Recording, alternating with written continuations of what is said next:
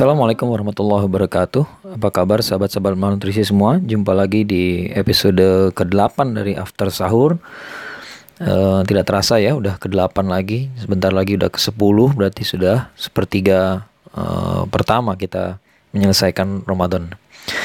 Uh, Saya teringat pada uh, penuturan uh, seorang guru kami ya Ustadz Asep Sobari. Waktu itu beliau uh, mengatakannya ketika kita baru mau berangkat umroh ya satu hari sebelum kita berangkat umroh beliau uh, apa mengutip uh, ayat 196 dari surat Al-Baqarah bagian awalnya saja.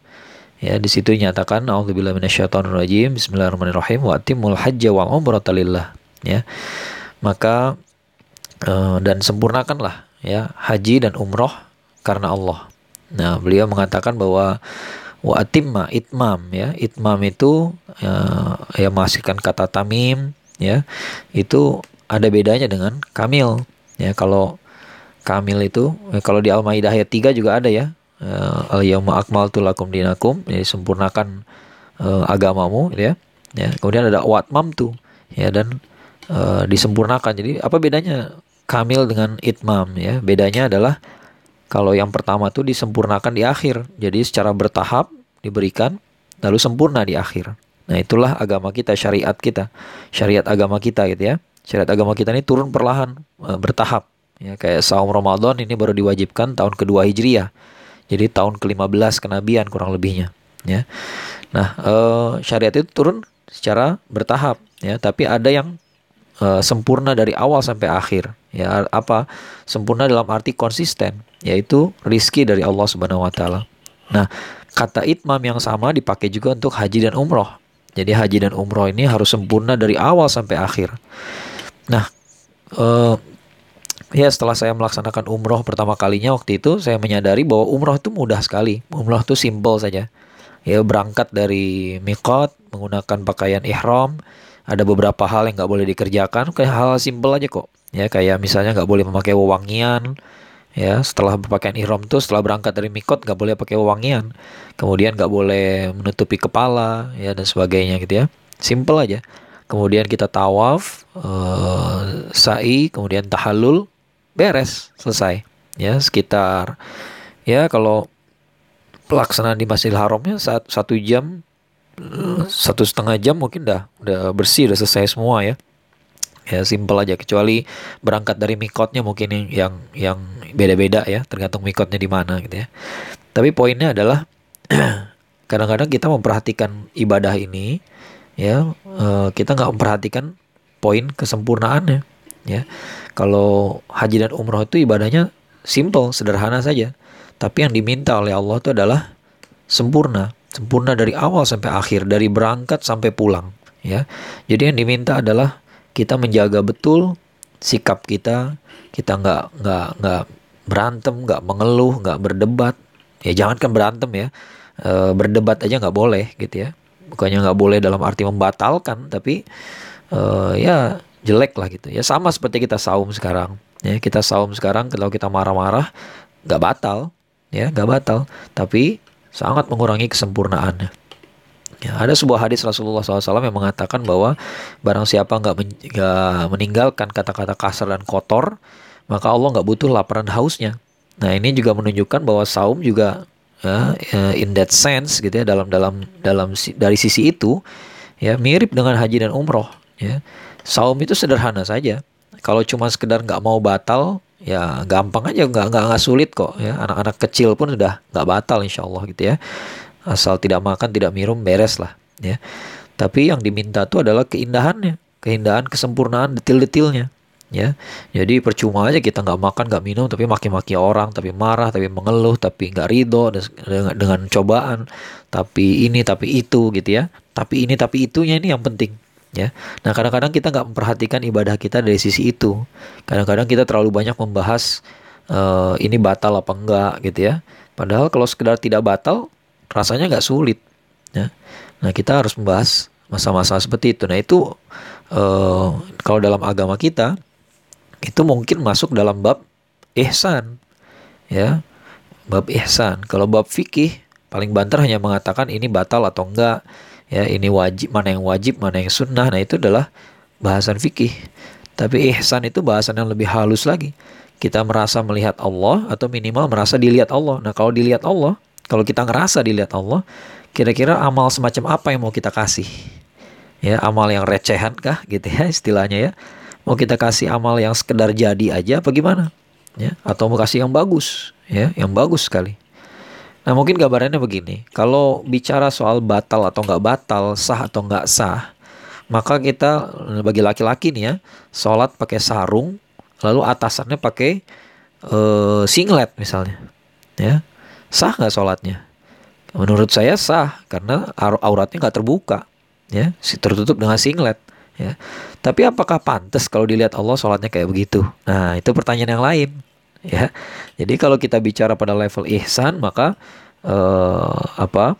lebih halus lagi ya. Pekerjaan kita jadi lebih halus, kita sempurnakan ibadah kita sampai yang yang yang mungkin tidak tidak menentukan batal atau tidaknya, tapi menentukan indah apa enggaknya yang kita kasih. Ya. Dalam hadis Rasulullah SAW, uh, eh, hadis yang lain Rasulullah SAW pernah mengatakan uh, amal ibadahnya anak Adam itu untuk mereka, kecuali saum itu untukku ya maka aku sendiri yang akan memberikan balasan ya. Nah ini jadi saum itu betul-betul kita kerjakan untuk Allah ya.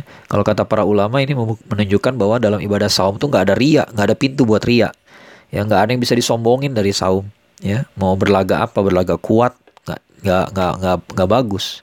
Ya orang bisa aja curiga nih kok orang seger banget lagi lagi saum jangan-jangan dia nggak nggak saum jangan dia makan gitu ya.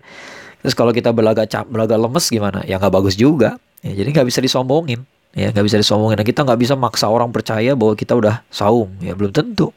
Jangan-jangan di di luar uh, apa pandangan orang ternyata kita makan di belakang layar kita kan. Nggak orang nggak tahu juga gitu ya. Nah jadi saum itu bebas dari ibadah dari dari uh, ria gitu ya. Oleh karena itu yang ngerjain saum itu udah pasti ikhlas. Ikhlas karena Allah ya. Nah tapi sekarang kalau kita ikhlas karena Allah kita kasih yang kayak apa? Nah kesadaran ini yang penting ya yang penting jadi kita mau ngasih uh, apa kepada Allah, mempersembahkan amal seperti apa? Amal yang sekedar jadi saja, sekedar sah saja, atau uh, mau yang apa? Mau yang kita bikin bagus gitu ya, sekalian gitu ya. Mau yang kita hias dengan indah gitu ya. Ya, ini sisi yang menurut saya uh, dilatih juga dalam saum. Ya, jadi kita memang benar dari awal saum itu memang bukan soal makan dan tidak makan tidak minum itu soal kecil soal masalah kecil itu cuma masalah batal atau nggak batal gitu ya. Ya tapi kalau kita mempersembahkan sesuatu kepada Allah maka persembahkan yang terbaik ya. Maka mulailah kita selidiki sisi-sisi uh, yang membuatnya menjadi indah ya. Sholat kalau nggak mau batal ya kalau pakai pakaian seenaknya aja nggak batal juga ya nggak batal. Ya kita habis olahraga main futsal main basket baju keringetan basah kuyup lalu kita wudhu kita sholat sah sah aja. Nggak ada yang bilang batal. Tapi nggak cakep kalau kayak gitu ya. Ya nggak cakep yang kayak gitu dikasih ke ke ke Allah gitu ya.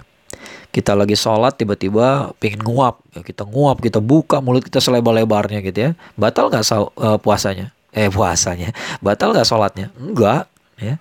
Tapi kan nggak cakep ya ya nggak cakep di hadapan Allah tuh kayak begitu tuh nggak cakep nggak indah gitu.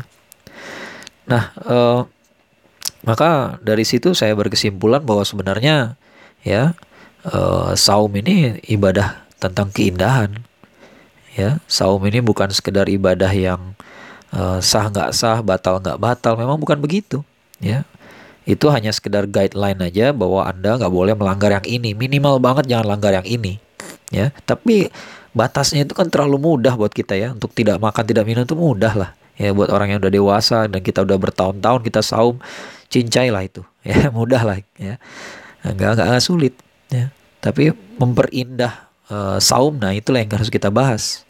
Ya oleh karena itu teman-teman ya coba tumbuhkan jiwa artistiknya gitu ya dalam dalam ibadah saum ini Ya, cobalah kita nih mulai berpikir tentang keindahan. Kira-kira apa saum yang indah yang mau kita kasih kepada Allah, yang mau kita persembahkan kepada Allah, gitu ya. Allah nggak butuh saum kita, ya.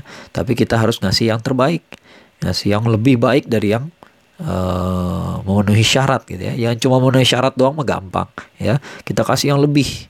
Nah, sekarang kita berlomba-lomba untuk memperindah Jadi sebenarnya perlombaannya bukan perlombaan supaya nggak batal, tapi perlombaan mempersembahkan yang terindah. Ya, nah cobalah kita tengok saum kita sendiri, apa yang membuat indah saum kita. Ya, bahwa ketika ketika dilaksanakan saumnya, ternyata orang ini sedekahnya makin kencang, ya, sholatnya makin banyak, makin khusyuk, ya. Nah itu itulah yang kita persembahkan ya. Kita di bulan Ramadan kita rajin mencari kajian-kajian online. Loh sekarang nih harus online ya. Ya dan itu memperindah ya memperindah Ramadan kita. Sehingga kita persembahkan memang bukan recehan. Jangan sampai kita di akhirat kelak ketika melihat ibadah saum kita yang akan kita kasih ke kehadapan Allah ternyata ibadah recehan. Ya jangan sampai begitu ya. Usahakanlah supaya nanti di hadapan Allah kita bisa bangga dengan saum kita, kita bangga dengan Ramadan kita. Ya Allah, inilah Ramadan-Ramadan saya. Dari tahun tidak sempurna, tapi dari tahun ke tahun semakin baik, semakin indah, semakin cantik. Allah tuh maha indah dan Allah mencintai keindahan. Mudah-mudahan bermanfaat. Sampai ketemu di episode after sahur berikutnya. Assalamualaikum warahmatullahi wabarakatuh.